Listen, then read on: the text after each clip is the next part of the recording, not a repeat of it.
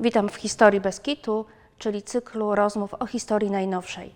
Moim dzisiejszym gościem jest dr Sławomir Poleszak. Witam serdecznie. Witam serdecznie. Historyk z Instytutu Studiów Politycznych Polskiej Akademii Nauk oraz Ośrodka Brama Grodzka Teatr NN. Zrzeszenie Wolność i Niezawisłość. Dzisiaj o tym chciałabym porozmawiać. Co to była za organizacja? No tutaj należałoby e, poprzedzić to e, krótkim wstępem, bo WIN był Zrzeszenie Wolność i Niezawisłość, które e, powstało formalnie 2 września 1945 roku, było efektem pewnego wielomiesięcznego procesu, który trwał w strukturach podziemia Pałakowskiego. Ten proces tak naprawdę rozpoczął się już w momencie, e, w momencie przeprowadzania akcji Burza, następnie e, klęski powstania warszawskiego, bo to były te elementy, które, które uruchomiły pewne e, właśnie procesy decentralizacyjne, dekompozycyjne w strukturach polskiego państwa podziemnego. Państwa, które którego Armia Krajowa było, było, e, była woj, wojskiem w konspiracji i, w marcu 1944 roku liczyło około 350 e, tysięcy żołnierzy, a, całe e, polskie państwo podziemne skupiało e, w swoich szeregach e, ponad pół miliona e, członków. E, Armia Krajowa była e, wojskiem w konspiracji, powołanym po to, by w odpowiednim momencie e, wywołać, przeprowadzić e, powstanie powszechne na terenach e, okupowanej Polski i to miało doprowadzić do odzyskania niepodległości przez, e, przez państwo polskie.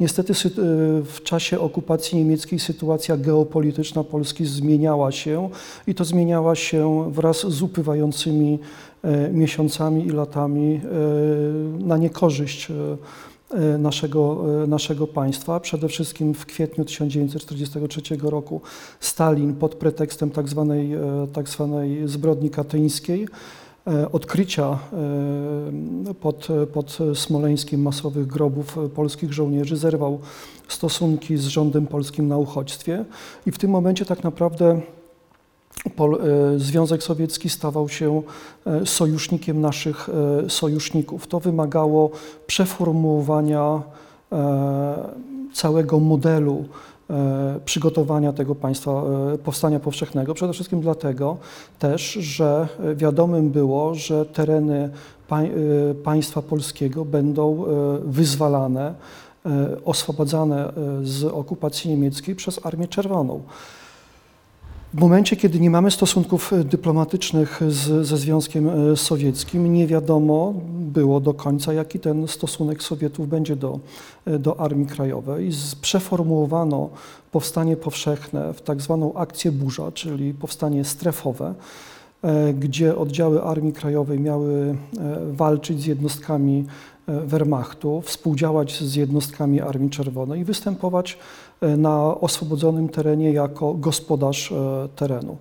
Okazało się, tak samo okazało się na Kresach Wschodnich, jak również później na Białostoczyźnie, e, Lubelszczyźnie czy, czy Rzeszowszczyźnie, że występował ten sam model. Oczywiście dochodziło do e, współdziałania z jednostkami Armii Czerwonej, ale e, po zakończeniu walk te jednostki Armii Krajowej były rozbrajane przez Sowietów, zdarzały się wypadki rozstrzeliwania oficerów, e, żołnierze byli internowani, e, rozbrajani.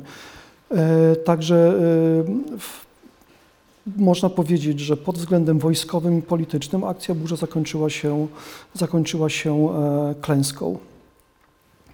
E, Wiedząc też e, o tym, że ta sytuacja geopolityczna się zmienia, dowództwo polskiego podziemia praktycznie od połowy 1943 roku e, rozpoczęło budowę organizacji, która miała być przystosowana do tej, tej no, okoliczności, na którą to Związek Sowiecki Armia Czerwona znajdą się na, na terenie e, oswobodzonej e, Polski. Miała być to organizacja nie, która e, miała być organizacją kadrową, czyli nie tak liczną i powszechną jak armia, jak armia krajowa. Miała skupiać zdecydowanie mniejszą ilość, ilość członków i miała być przystosowana do tego, żeby, żeby działa, prowadzić działania e, konspiracyjne, dywersyjne przeciwko nowej okupacji, jak, to, jak już wtedy y, y, zakładano.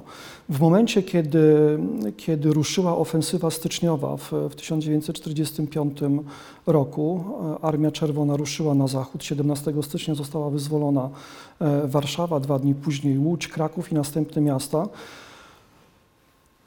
Prawie że w, krótkim okresie czasu zostały y, oswobodzone całe terytorium przedwojennej Polski. No w tym momencie mm, Armia Krajowa, która jest woj- wojskiem w konspiracji, która skupia kilkaset tysięcy żołnierzy, no było bezprzedmiotowe jej, dalej, y, jej dalsze istnienie, a poza tym, co, co bardzo ważne, Stalin wykorzystywał e, istnienie Armii, y, Armii Krajowej i jej działalność aby pokazywać w rozmowach y, Wielkiej Trójki, że Armia Krajowa jest tak naprawdę sojusznikiem Niemców, gdyż e, te działania e, oddziałów Armii Krajowej na terenach, które zostały zajęte już przez Armię Czerwoną, mają ostrze antysowieckie i, i, są, i, i są wymierzone w, w oddziały Armii Czerwonej, więc był to Czy bardzo... to była prawda? Oczywiście wszystko jest, e, w tym momencie jest to, to zależy z jakiego punktu widzenia na to, na to patrzymy. E, Sowieci wszelkie starcia z oddziałami Armii Krajowej, które miały miejsce na terenach tak zwanych Kresów Wschodnich, czy później na terenie Białostoczyzny i, i Lubelszczyzny, mogli przedstawiać jako działania antysowieckie. Natomiast z punktu widzenia tych oddziałów Armii Krajowej były to działania e, samoobronne, które następowały na wskutek działań e, oddziałów Armii, Armii Czerwonej, czy oddziałów NKWD, czy kontrwywiadu wojskowego e, Smiercz. Natomiast Stalin bardzo umiejętnie wykorzystywał te e, wszystkie wydarzenia do tego, żeby dezawuować e, zarówno ar, e, Armię Krajową, jak, jak e, również e, struktury Polskiego Państwa Podziemnego. Dlatego też 19 stycznia 1945 roku ówczesny komendant główny Armii Krajowej, generał e, Leopold Okulicki-Niedźwiadek, podjął decyzję o, o tym, że rozwiązuje oddziały, od, rozwiązuje armię, armię Krajową. To był, to był oficjalny, oficjalny rozkaz, natomiast poszły również e, tak zwane e, tajne rozkazy, w których on wydawał e, dyspozycje komendantom okręgów, aby pozostawić e, bazy łączności, sztaby szkieletowe, bo wiadomym było, że ta konspiracja będzie trwać, że ona się nie zakończy e, w tym momencie, dlatego że no, wszystkie wcześniejsze, doświadczenia pokazywały, że stosunek Armii Czerwonej, Sowietów do Polskiego Państwa Podziemnego, do oddziałów Armii Krajowej jest wrogi, że Sowieci instalują tutaj swoją, e, swój, e, gdyby swoją jaczejkę polityczną w postaci Polskiego Komitetu e, Wyzwolenia Narodowego i będą urządzać e, powojenną Polskę według e, przemyślanego przez siebie, e, przez siebie modelu. E, Ten e, rozkaz e, Niedźwiadka, on, on wywołał różne reakcje e, na terenach e, okręgów, które były już e, jak gdyby pod, pod e, tym sowieckim butem od, od prawie pół roku, czyli, czyli e, Białostoczyzna, Lubelszczyzna czy Rzeszow, Rzeszowszczyzna. E, Ten rozkaz praktycznie nie został wykonany, nie został przyjęty do, do wiadomości.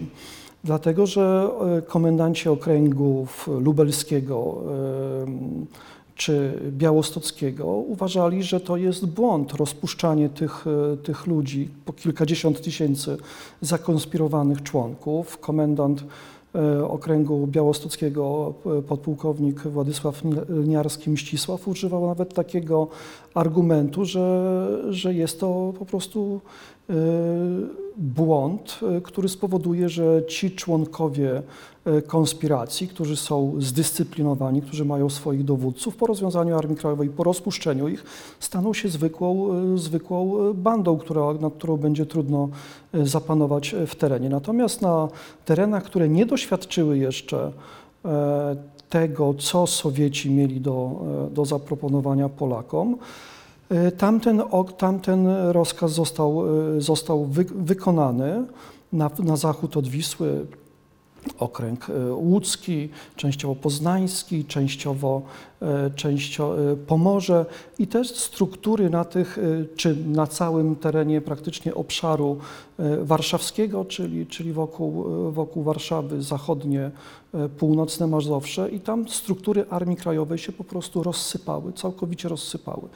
Czy Ten rozkaz... Dlaczego, dlaczego, dlaczego tak było, że na zachodzie Polski te struktury się rozsypały, a na wschodzie były... No myślę, że głównym czynnikiem było to, że ci, którzy e, do stycznia 1945 roku nie mieli jeszcze styczności z oddziałami Armii Czerwonej, czy z całym tym systemem, który był wprowadzany przez Sowietów po, po zajęciu e, danego terytorium, mieli, mieli e, większe nadzieje i ułuda, i pewne złudzenia, że to się jednak jakoś ułoży. Natomiast na e, na terytorium e, wschodniej Polski, oczywiście wschodniej Polski w, w rozumieniu Polski pojałtańskiej, czyli na Białostoczyźnie czy na Lubelszczyźnie. Te tereny doświadczyły już tego, tego co się działo od lipca 1944 roku i, i, i dla nich nie było złudzeń, jaki był e, stosunek Sowietów do, do polskiego państwa podziemnego, do Armii Krajowej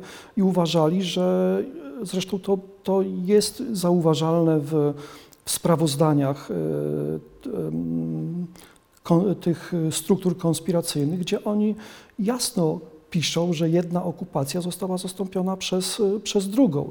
Dlatego też uważali, że nie należy, e, nie należy rozwiązywać struktur konspiracyjnych, że wojna, że tak naprawdę walka Armii Krajowej się nie skończyła i, i będzie, będzie kontynuowana. I, E, Wspomniany podpułkownik Mścisław wydał rozkaz, gdzie przemianował Armię Krajową na Armię Krajową Obywatelską i ona przez następne mi- miesiące działała w tej, e, w tej formule, tak jak działała poprzednio przez kilka lat e, okupacji, okupacji niemieckiej. Czy dlatego e, właśnie powstał WIN? No nie, jeszcze tutaj do, do, do, winu, do winu jeszcze, jeszcze chwileczkę. Jak wspomniałem, rozkaz rozwiązujący Armię Krajową uruchomił procesy dekompozycyjne i decentralizacyjne e, w strukturach e, Polskiego Państwa Podziemnego, jak również, e, jak również Armii Krajowej. Przez do bardzo ważne wydarzenia miały miejsce w, w marcu 1945 roku. Wtedy to przypadkowo został, został aresztowany Emil Fieldorf-Nil, który był, odpowiadał za, organizację, za przygotowywanie i organizację tej struktury pod nazwą, pod nazwą e, Nie, a pod koniec tego miesiąca, 27 marca, w Pruszkowie zostali podstępnie aresztowani przywódcy polskiego państwa e, podziemnego. 16 wybitnych polskich polityków Przez podziemia. kogo? Przez kogo zostali aresztowani? E, Zostali aresztowani przez e, NKWD, za- zaproszeni na rozmowy przez e, generała Sierowa. E, Na te rozmowy udał się również e, komendant, były komendant główny Armii Krajowej, e, czyli generał Leopold Okulicki-Niedźwiadek. On również został aresztowany. To była bardzo poważna wyrwa w strukturach tego polskiego państwa podziemnego. I schedę po generale Okulickim, zresztą generał Okulicki wybierając się na te, na te rozmowy, e, e, przekazał e, pułkownikowi Janowi Rzepeckiemu, że jeśli nie wróci z tych rozmów, to on przejmuje dowodzenie nad, nad tymi pozostałościami Czyli oni E, mieli, czyli, konspiracji połakowskiej. czyli mieli taką świadomość, że to jest Myślę, że wyprawa nie- Okulicki oczywiście miał świadomość, zresztą on e, przeszedł już przez e, więzienia sowieckie, e, został aresztowany e, e, podczas pier za, za pierwszego Sowieta, był na, na, na Łubiance, potem, potem wyszedł z armią e, generała e, Andersa, zresztą miał, miał, dość, miał bardzo przykre doświadczenia na, na Łubiance, został w pewien sposób, no, chyba można powiedzieć, że, że złamany przez Sowietów, bo, bo, bo pisał pewne, pewne memoriały, które, które jak gdyby wskazują na to, że, że chciał, e, chciał współpracować z Sowietami. Y, Także miał świadomość, że, Sowieci, że Sowietom nie wolno ufać i że te rozmowy, na które się udawał, mogą się zakończyć katastrofą i taką katastrofą się e, zakończyły. Oprócz Niedźwiadka został między innymi aresztowany delegat rządu na e, kraj, Jan Stanisław e, Jankowski. I w tym momencie dosło, doszło do bardzo poważnego przemeblowania w tym dowództwie e, podziemia Pałakowskiego. Główne role w dowództwie przejęli Stefan Korboński jako, delegat, jako pełniący obowiązki delegata rządu e, na kraj oraz wspomniany pułkownik Jan Rzepecki. Byli to, byli to ludzie, którzy doskonale się znali, którzy e, mieli do siebie zaufanie, byli, zwracali się do siebie po imieniu, co w tamtych czasach było, e, było no, dowodem na to, że darzyli się i zaufaniem, i, i, pewną, i pewnym, Zażyłością. z pewną, zaży, pewną zażyłością.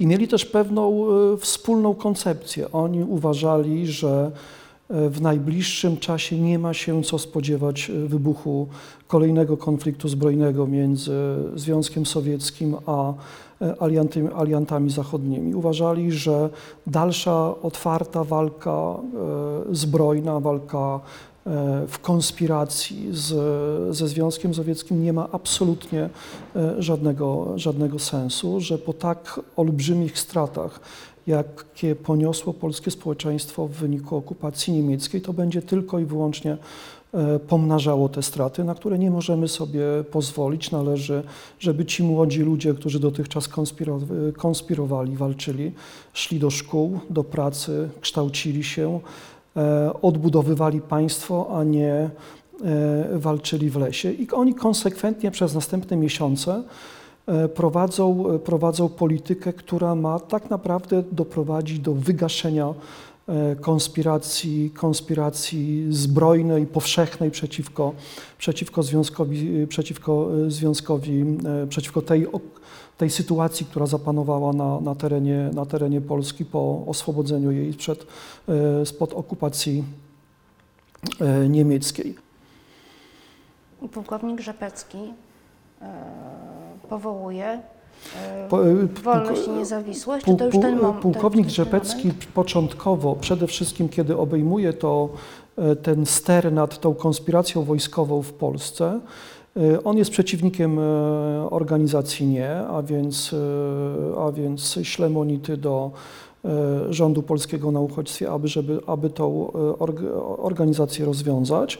I ona zostaje rozwiązana e, 7 maja i tego samego dnia zostaje, powołana, zostaje powołany delegat e, delegatury sił zbrojnej na, na kraj, który ma zawiadywać tymi pozostałościami e, konspiracji e, akowskiej.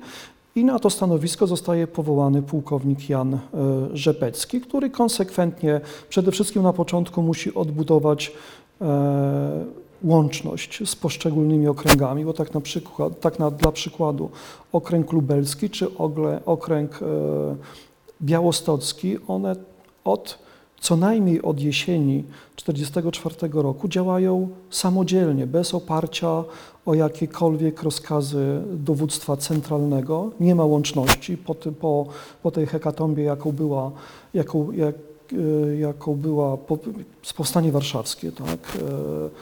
Utracono, utracono łączność i on odbudowuje tą łączność. Udaje mu się nawiązać kontakt z poszczególnymi komendantami okręgów i przekonuje ich do tego, że ta działalność zbrojna nie ma sensu, że należy rozwiązywać oddziały, e, które w tym, w tym czasie walczą w lesie z, z komunistami, tylko tak naprawdę sama, sama, sam pomysł na to, że, że nie ma sensu ta walka, ona, Rzepecki ma swoje argumenty.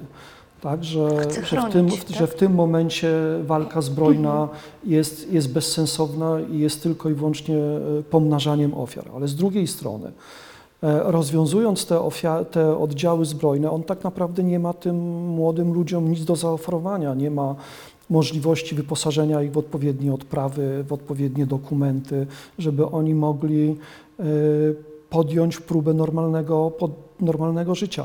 A przede wszystkim na terenach, które, które są zajęte przez Armię Czerwoną, po prostu szaleje terror.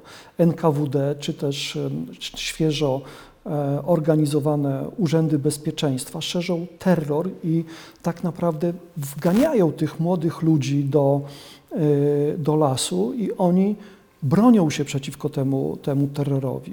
Zapełniają się co je- jest pewnym paradoksem, ale w zdecydowanej większości budynki, które obejmuje Urząd Bezpieczeństwa i gdzie są organizowane areszty, to są te budynki, gdzie funkcjonowało przez kilka wcześniejszych lat gestapo i gdzie również więziono e, działaczy nie, polskich działaczy niepodległościowych i w tych samych celach więzi się teraz działaczy niepodległościowych, którzy, którzy nie godzą się na to, e, na tą rzeczywistość komunistyczną. Dramatyczny paradoks.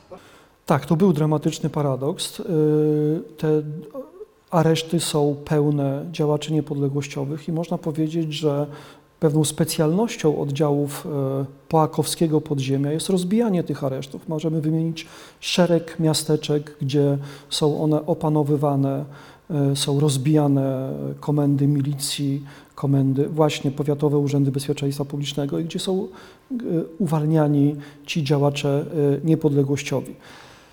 Rzepecki wysyła, konsekwentnie wysyła y, rozkazy, rozkazy które, są, które mają doprowadzić do rozładowania lasów. E, W tym czasie Czyli, przepraszam, można powiedzieć, że to jest pewna samowolka, te działania oddziałów e, rozbijające e, No nie, one areszty. działają, one działają w ramach e, struktur tych okręgów, które zostały, są podporządkowane dowództwów obwodów, inspektoratów, komend okręgowych, także to dalej jest, jest organizacja zbudowana, co najmniej na tej ścianie wschodniej, zbudowana w oparciu o model wojskowy i oni działają tak, jak działali do poprzednio Ale równocześnie kilka lat. Rzepecki wysyła Tak, sygnały, że należy te oddziały zdemobilizować, ludzi rozpuścić, zaprzestać walki, e, walki e, zbrojnej. Ważne, e, ważne wy, wy, wydarzenia następują pod koniec czerwca 1945 roku, kiedy to dochodzi do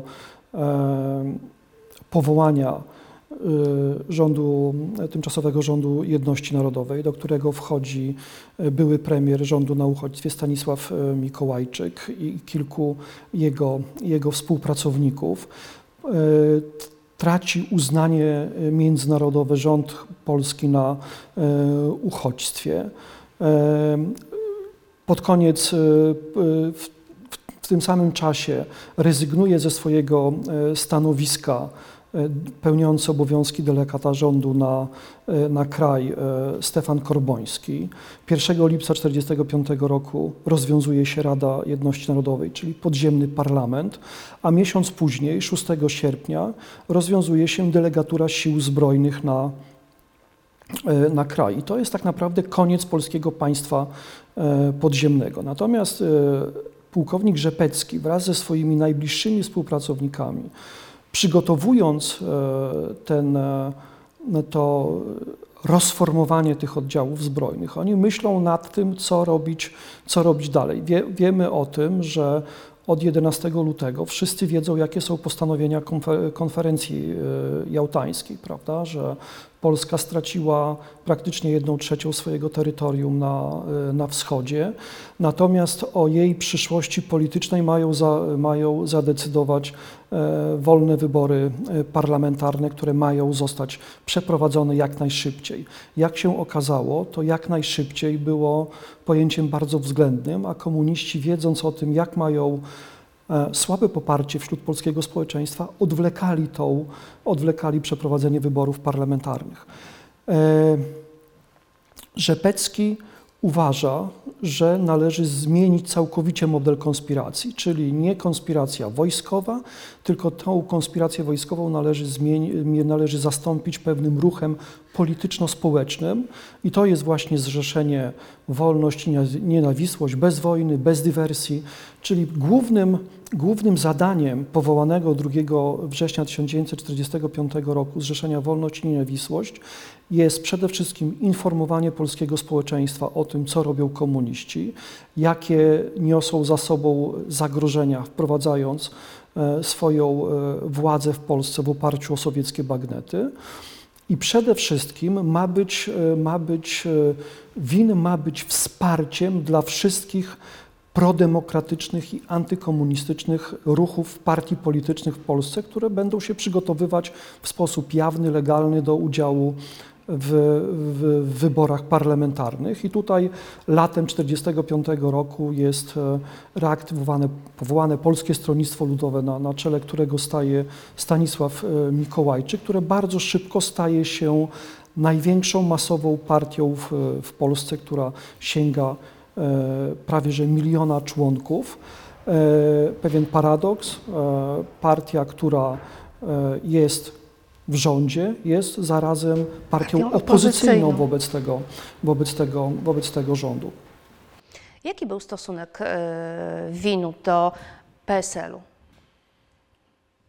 E, Pierwszy zarząd kierowany przez e, Jana Rzepeckiego był absolutnie w sojuszu z, z PSL-em. Sojuszu takim jednostronnym, bo Mikołajczyk e, trzymał się, trzymał na dystans e, ludzi, ludzi podziemia, mimo tego, że próbowano Próbowali oni dotrzeć do niego, żeby się z nim spotkać, porozmawiać. Mikołajczyk się trzymał od nich z daleka. No przede wszystkim dlatego, żeby nie być e, oskarżonym przez e, komunistów o bratanie się z e, bandytami, z reakcjonistami, tak? co, było, co byłoby bardzo poważnym e, zarzutem wobec, e, wobec Mikołajczyka. Natomiast e, pierwszy zarząd winu popiera PSL i uważa, że jak jeśli w momencie, kiedy będą rozpisane e, wybory parlamentarne, to działacze, działacze winu, cała te,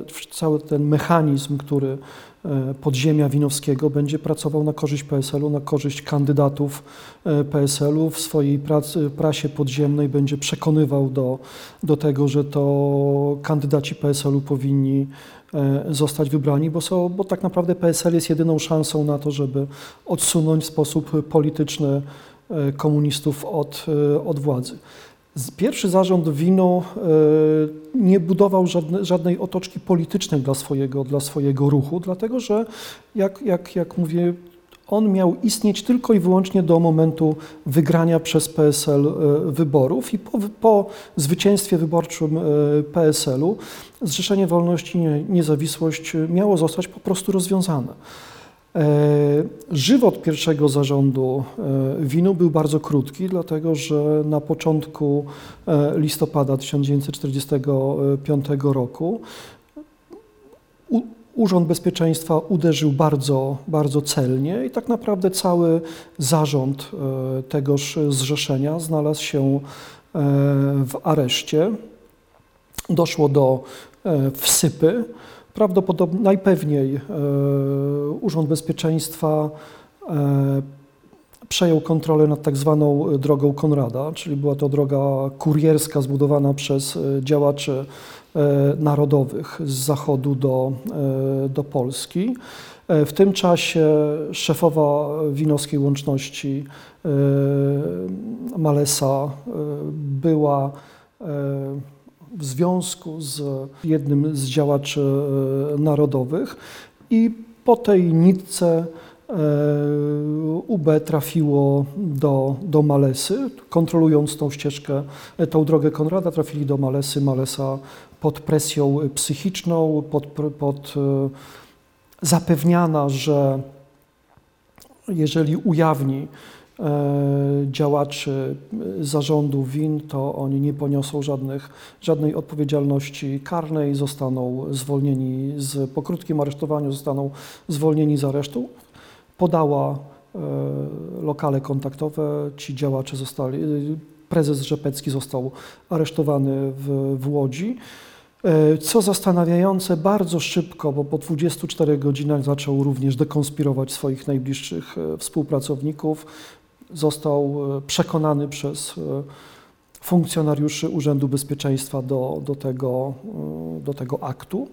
Prawdopodobnie, prawdopodobnie został przytłoczony e, wiedzą e, Urzędu Bezpieczeństwa, jaką e, posiadał na temat struktur, obsady, łączności, Zrzeszenia Wolność i, Niezawisłość. ujawnił swoich najbliższych współpracowników, którzy zostali aresztowani, ale również wydał sprzęt i co najważniejsze, wydał milion dolarów, które było przeznaczone na działalność organizacyjną e, Zrzeszenia Win. To był bardzo bolesny cios dla następnych zarządów, dlatego że nie miały one pieniędzy i borykały się ciągle z, z, trudnościami, z trudnościami e, finansowymi. Po aresztowaniu pierwszego zarządu WIN e, władzę nad e, zrzeszeniem objął zarząd, tak zwany drugi zarząd e, Zrzeszenia Wolność i Niezawisłość kierowany przez pułkownika Franciszka e, Niepokulczyckiego. Formalnie był to trzeci, ale trudno, trudno traktować pułkownika Jana Szczurka-Cegrowskiego Sławbora jako, jako komendanta winu. On został wybrany, ale tego samego, został, tego samego dnia został aresztowany przez e, funkcjonariuszy UB. E, Zarząd... Skąd, przepraszam, skąd, skąd UB miało y, tak dobre informacje y, o winie? No był to, był to już pewien proces pracy operacyjnej, który, który trwał wiele miesięcy. Ci działacze podziemia Pałakowskiego byli, byli systematycznie rozpracowani. Co chwila zdarzały się wsypy. 1 sierpnia 1945 roku symbolicznie w, rocznicę wybuchu e, Powstania Warszawskiego został aresztowany na przykład e, ówczesny komendant, delegat e, obszaru centralnego Jan Mazurkiewicz Radosław. Także wiedza Urzędu Bezpieczeństwa, osadzanie agenturą poszczególnych, e, poszczególnych e, miejsc w, tych, w tej strukturze konspiracyjnej było coraz, coraz lepsze, wiedza, wiedza coraz obszerniejsza i to pozwalało na e, celne uderzenia Urzędu Bezpieczeństwa w, w struktury podziemia e, Połakowskiego. Drugi zarząd e, winu, kierowany przez e, pułkownika Niepokulczyckiego, stoi na stanowisku, że wojna, wojna powinna w najbliższym czasie e, wybuchnąć, więc jest to inne stanowisko od tego, które reprezentował e, pierwszy zarząd, e, zarząd winu. E, Drugi zarząd, kierowany przez Niepokulczyckiego, zaczyna też pewno, pewną pracę nad programem politycznym e, Zrzeszenia Wolność i Niezawisłość. To już nie jest e, takie mm, bez, e, bezwarunkowe wsparcie dla PSL-u, tylko raczej zrzeszenie, zrzeszenie WIN zaczyna, zaczyna być pewną konkurencją dla, dla PSL-u. Współpracownicy Niepokulczycki, jak również jego, jego współpracownicy uważają, że, że to, co zakłada e, Mikołajczyk, czyli polityczne odsunięcie komunistów od władzy w wyniku e, wolnych wyborów, jest mrzonką, że, że komuniści, e, kiedy stoi tutaj Armia Czerwona, są pułki NKWD na terenie Polski, nie oddadzą nie oddadzą władzy i te wolne wybory to jest mrzonka. O, o, oczywiście oni prowadzą akcję, e, akcję uświadamiającą, e, propagandową, która przekonuje do tego, że jedynym, jedyną, jedyną partią, na którą warto głosować, to jest PSL. Ale, e, ale no mają, mają pewne, pewne krytyczne spojrzenie na tą, na tą rzeczywistość. Ten program polityczny Wino, on jest taki bardzo, nie, nie można powiedzieć, że jest tam zwarta wizja jak gdyby przyszłej Polski po, po odsunięciu komunistów od władzy. To jest raczej taki zbiór, zbiór haseł, w który, taki pojemny wór, w którym próbowano pomieścić zarówno socjalizm PP, e, PPS-u, agraryzm PSL-u, a nawet e, solidaryzm, e, solidaryzm e, Stronnictwa Pracy, czy też nawet nacjonalizm Stronnictwa Narodowego, więc, więc był, To był bardzo to pojemny. tak, był to bardzo pojemny, pojemny i nie do, końca, wy, nie, nie do końca ten program polityczny się wykrystalizował. Oczywiście, e, oczywiście podstawą miała być pięcioprzymiotnikowa demokracja, wolne wybory itd., itd., no ale e, jednostka i i organizacje polityczne miały być e, jak gdyby podporządkowane narodowi i państwu, więc trudno to, e, trudno to e, pogodzić. Komuniści, wiedząc, że mają, mają nikłe poparcie w społeczeństwie, odwlekali to, te, te wybory parlamentarne, e, postanowili przeprowadzić tak zwane referendum ludowe, które miało być pewnego rodzaju plebiscytem ich poparcia wśród polskiego społeczeństwa i to był kolejny element, wobec którego musieli się w pewien sposób op- opowiedzieć działacze Zrzeszenia Win. To referendum ludowe polegało na, na sformułowaniu trzech takich pytań referendalnych. Pierwsze, czy jesteś za zniesieniem Senatu? Drugie, czy jesteś za e, tymi wszystkimi reformami gospodarczymi, które, które wprowadzają komuniści, a trzecie pytanie dotyczyło e, potwierdzenia tego, czy jesteś za e, nowymi granicami na, na północy i, e, i zachodzie.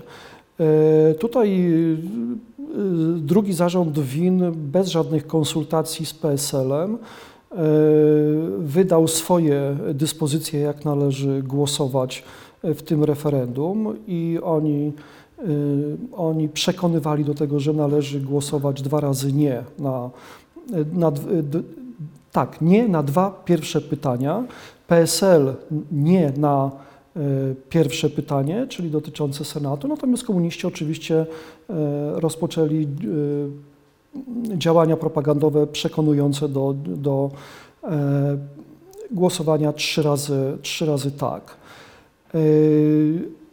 Poufne wyniki tego referendum ludowego z 30 czerwca 1946 roku wskazywały na to, że komuniści mieli poparcie sięgające około 27% w polskim społeczeństwie. To nie jest mało, ale to dla nich było zbyt mało, żeby w wolnych parlamentarnych wygor- wyborach zachować, e, zachować władzę. E, Dlatego, to dlatego też podano sfałszowane wyniki wyborów, które pokazywały, że komuniści cieszą się bardzo dużym, bardzo dużym poparciem. E, Drugi zarząd Zrzeszenia Wolność i Niezawisłość działał do jesieni 1946 roku. W październiku 1946 roku został aresztowany prezes e, trzecie, drugiego zarządu, pułkownik Niepokulczycki. E, Później mamy tak naprawdę kilka tygodni, kiedy, kiedy na czele tego zrzeszenia win stoi trzeci zarząd, czyli podpułkownik Wincenty Kwieciński.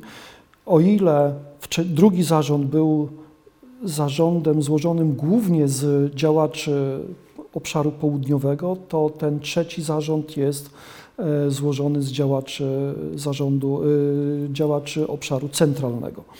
Ale, ale ten trzeci zarząd jest bardzo szybko rozbity aresztowaniami na, na początku 1947 roku, a więc w przededniu tak naprawdę wyborów do parlamentu, które odbywają się 19 stycznia 1947 roku. Za, trzeci zarząd przestaje istnieć, był głęboko zinfiltrowany przez, e, przez funkcjonariuszy Urzędu, e, Urzędu Bezpieczeństwa i, i, i dlatego też został rozbity e, aresztowaniami. Ważną kwestią w całej działalności Zrzeszenia Wolność i Niezawisłość było to, że to ma być działalność, że ma być to ruch społeczny i polityczny, bez działalności zbrojnej. Właśnie. I tutaj Czy to możemy... się udało? Nie, to, to się nie udało. Możemy powiedzieć, że mamy do czynienia tak naprawdę z dwoma winami. Bo i o ile ten model polityczno-społeczny udało się wprowadzić na, na e, terenach e, południa, czyli Rzeszowszczyzna, Małopolska, Dolny, Dolny Górny Śląsk, to, e, to win na Lubelszczyźnie i Białostoczyźnie jest zupełnie inny. Tutaj dalej działają oddziały partyzanckie, partyzanckie. trwa ostra walka z, z, jednostkami aparatu represji, czyli, czyli oddziałami KBW, e, oddziałami milicji, Urzędu, Czyli Urzędu, Ludzie nie Urzędu złożyć Bezpieczeństwa. broni, widząc co się dzieje. Przede wszystkim e, decydował o tym e, terror, bo z jednej strony e, komuniści nawoływali do tego, że należy zakończyć walkę zbrojną, że podziemie nie powinno istnieć, bo wprowadzamy reformy, będzie nowa, lepsza, lepsza Polska, a z drugiej strony nadal trwał e, terror, który tak naprawdę tym ludziom po pierwsze nie pozwalał, nie pozwalał wychodzić z lasu, a po drugie wpędzał ich do tych, do tych lasów, bo ludzie prześladowani, zdekonspirowani. Oczywiście niektórzy z nich szukali azylu na tak zwanych ziemiach odzyskanych, wyjeżdżali na zachód czy północ Polski, tam próbowali, próbowali się wtopić w tą nową, nową rzeczywistość, gdzie te struktury państwa polskiego były jeszcze słabo okrzepłe. Y, i, i, i można było przez jakiś czas tam e, zakotwiczyć, to jednak część z tych ludzi szukała dla siebie azylu i przeczekania tego najbardziej krytycznego momentu w oddziałach, w oddziałach partyzanckich i kontynuując walkę z, z siłami e, represji. Dlatego też ten e, model polityczno, polityczno-społeczny na terenie Lubelszczyzny i, i Białostoczyzny nie udało, nie udało się go e, wprowadzić, także tak jak wspomniałem, mamy do czynienia z dwoma, z dwoma winami. W momencie, kiedy, zostaje, kiedy aresztowaniami zostaje rozbity trzeci zarząd e, kierowany przez Kwiecińskiego, e, czwarty zarząd organizuje podpułkownik Łukasz Ciepliński. Są do, wokół niego są zgromadzeni ludzie, którzy przede wszystkim wywodzą się z konspiracji rzeszowskiej. To są ludzie, którzy tam działali w okresie okupacji niemieckiej, później e, w okresie już e, tej nowej, nowej rzeczywistości komunistycznej. Jednym z najbliższych współpracowników Cieplińskiego jest, jest Adam Lazarowicz. I to jest jego zastępca na, na stanowisku e, prezesa zarządu głównego WIN. O ile Zrzeszenie Wolność i Niezawisłość pod koniec 1945 roku mogło liczyć między 40-60 tysięcy e, działaczy, to czwarty zarząd kierowany przez pułkownika Cieplińskiego to jest już około 200 200 działaczy. Zadecydowała przede wszystkim, zadecydował o tym przede wszystkim terror, wykruszanie się tych e, działaczy konspiracyjnych, ale również amnestia z marca, 40, z marca i kwietnia 1947 roku, kiedy to ta amnestia doprowadziła praktycznie do zaniku wszelkich e, struktur winowskich na terenie tych najmocniejszych okręgów, czyli lubelskiego i, i białostockiego. Tutaj struktury winowskie się ujawniają i działalność podziemna yy, ulega po prostu zakończeniu. Oczywiście pozostają jeszcze oddziały zbrojne, które odwołują się do tej, do tej idei yy, AK win, natomiast, natomiast one już nie mają żadnej zwierzchności yy, organizacyjnej i ten win Cieplińskiego jest organizacją stricte stricte kadrową. Y, według y, głównych przemyśleń Cieplińskiego i jego współpracowników, oni są przekonani, że trzecia wojna wybuchnie i to, i to w niedalekiej perspektywie czasowej. Y, ważnym tutaj elementem była, była mowa prezydenta Trumana z marca 1947 roku, który, mówi, który wprowadza w życie tak zwaną zasadę powstrzymywania, czyli zasada współpracy z różnymi ruchami antykomunistycznymi na, na terenie różnych, różnych państw, aby e, przeciwdziałać postępowi e, komunizmu, komunistów w obejmowaniu władzy w kolejnych państwach. I tutaj, i tutaj win jak gdyby stał się naturalnym, e, naturalnym sojusznikiem dla, dla instytucji wywiadowczych e, e, państw anglosaskich.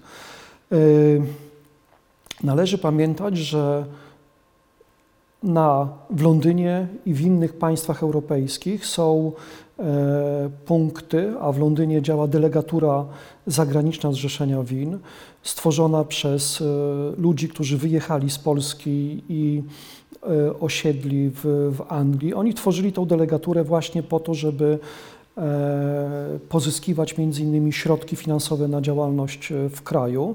I w 1947 roku delegatura na, nawiązuje kontakty z e, ze służbami wywiadowczymi amerykańskimi i angielskimi. To doprowadza do tego, że w jesień, we wrześniu 1947 roku zostaje podpisana umowa wywiadowcza między, między delegaturą zagraniczną WIN a tymiż e, agencjami w zamian za zbieranie i przekazywanie e, informacji wywiadowczych z Polski WIN ma, być, ma mieć e, dopływ środków finansowych na, na działalność tutaj organizacyjną, organizacyjną w kraju.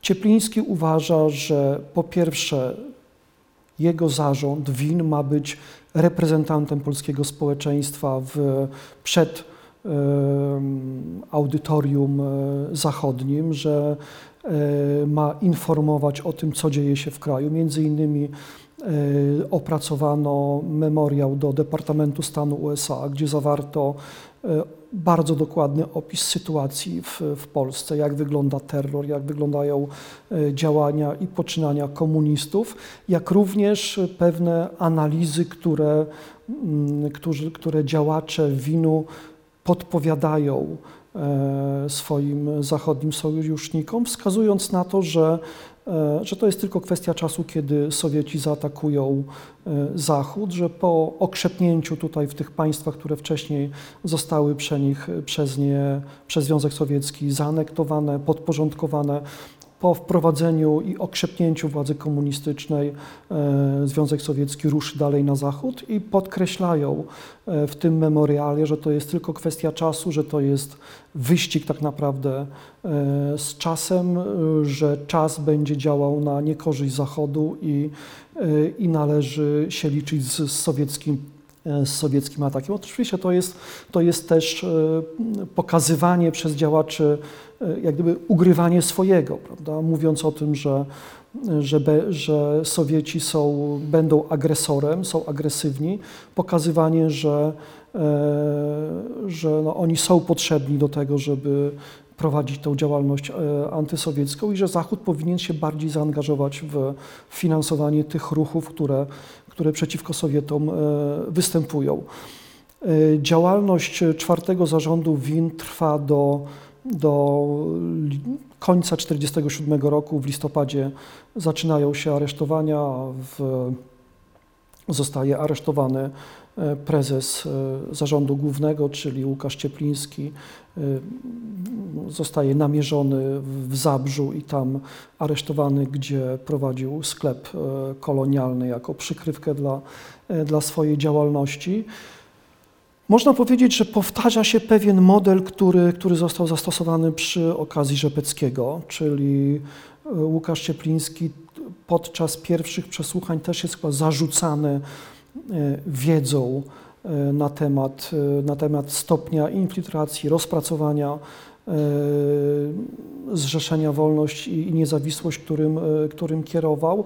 Są ślady w dokumentach, które wskazują na to, że Ciepliński zawarł jakiś układ z funkcjonariuszami UB, że w zamian za to, że e, zdekonspiruje swoich e, współpracowników, e, że zakończy, co za, za, zakończy e, działalność czwartego zarządu WIN, po aresztowaniu, krótkim złożeniu wyjaśnień zostaną oni zwolnieni. Oczywiście ta umowa została niedotrzymana przez funkcjonariuszy Urzędu Bezpieczeństwa. E, e, działacze WIN-u zostali zostali aresztowani.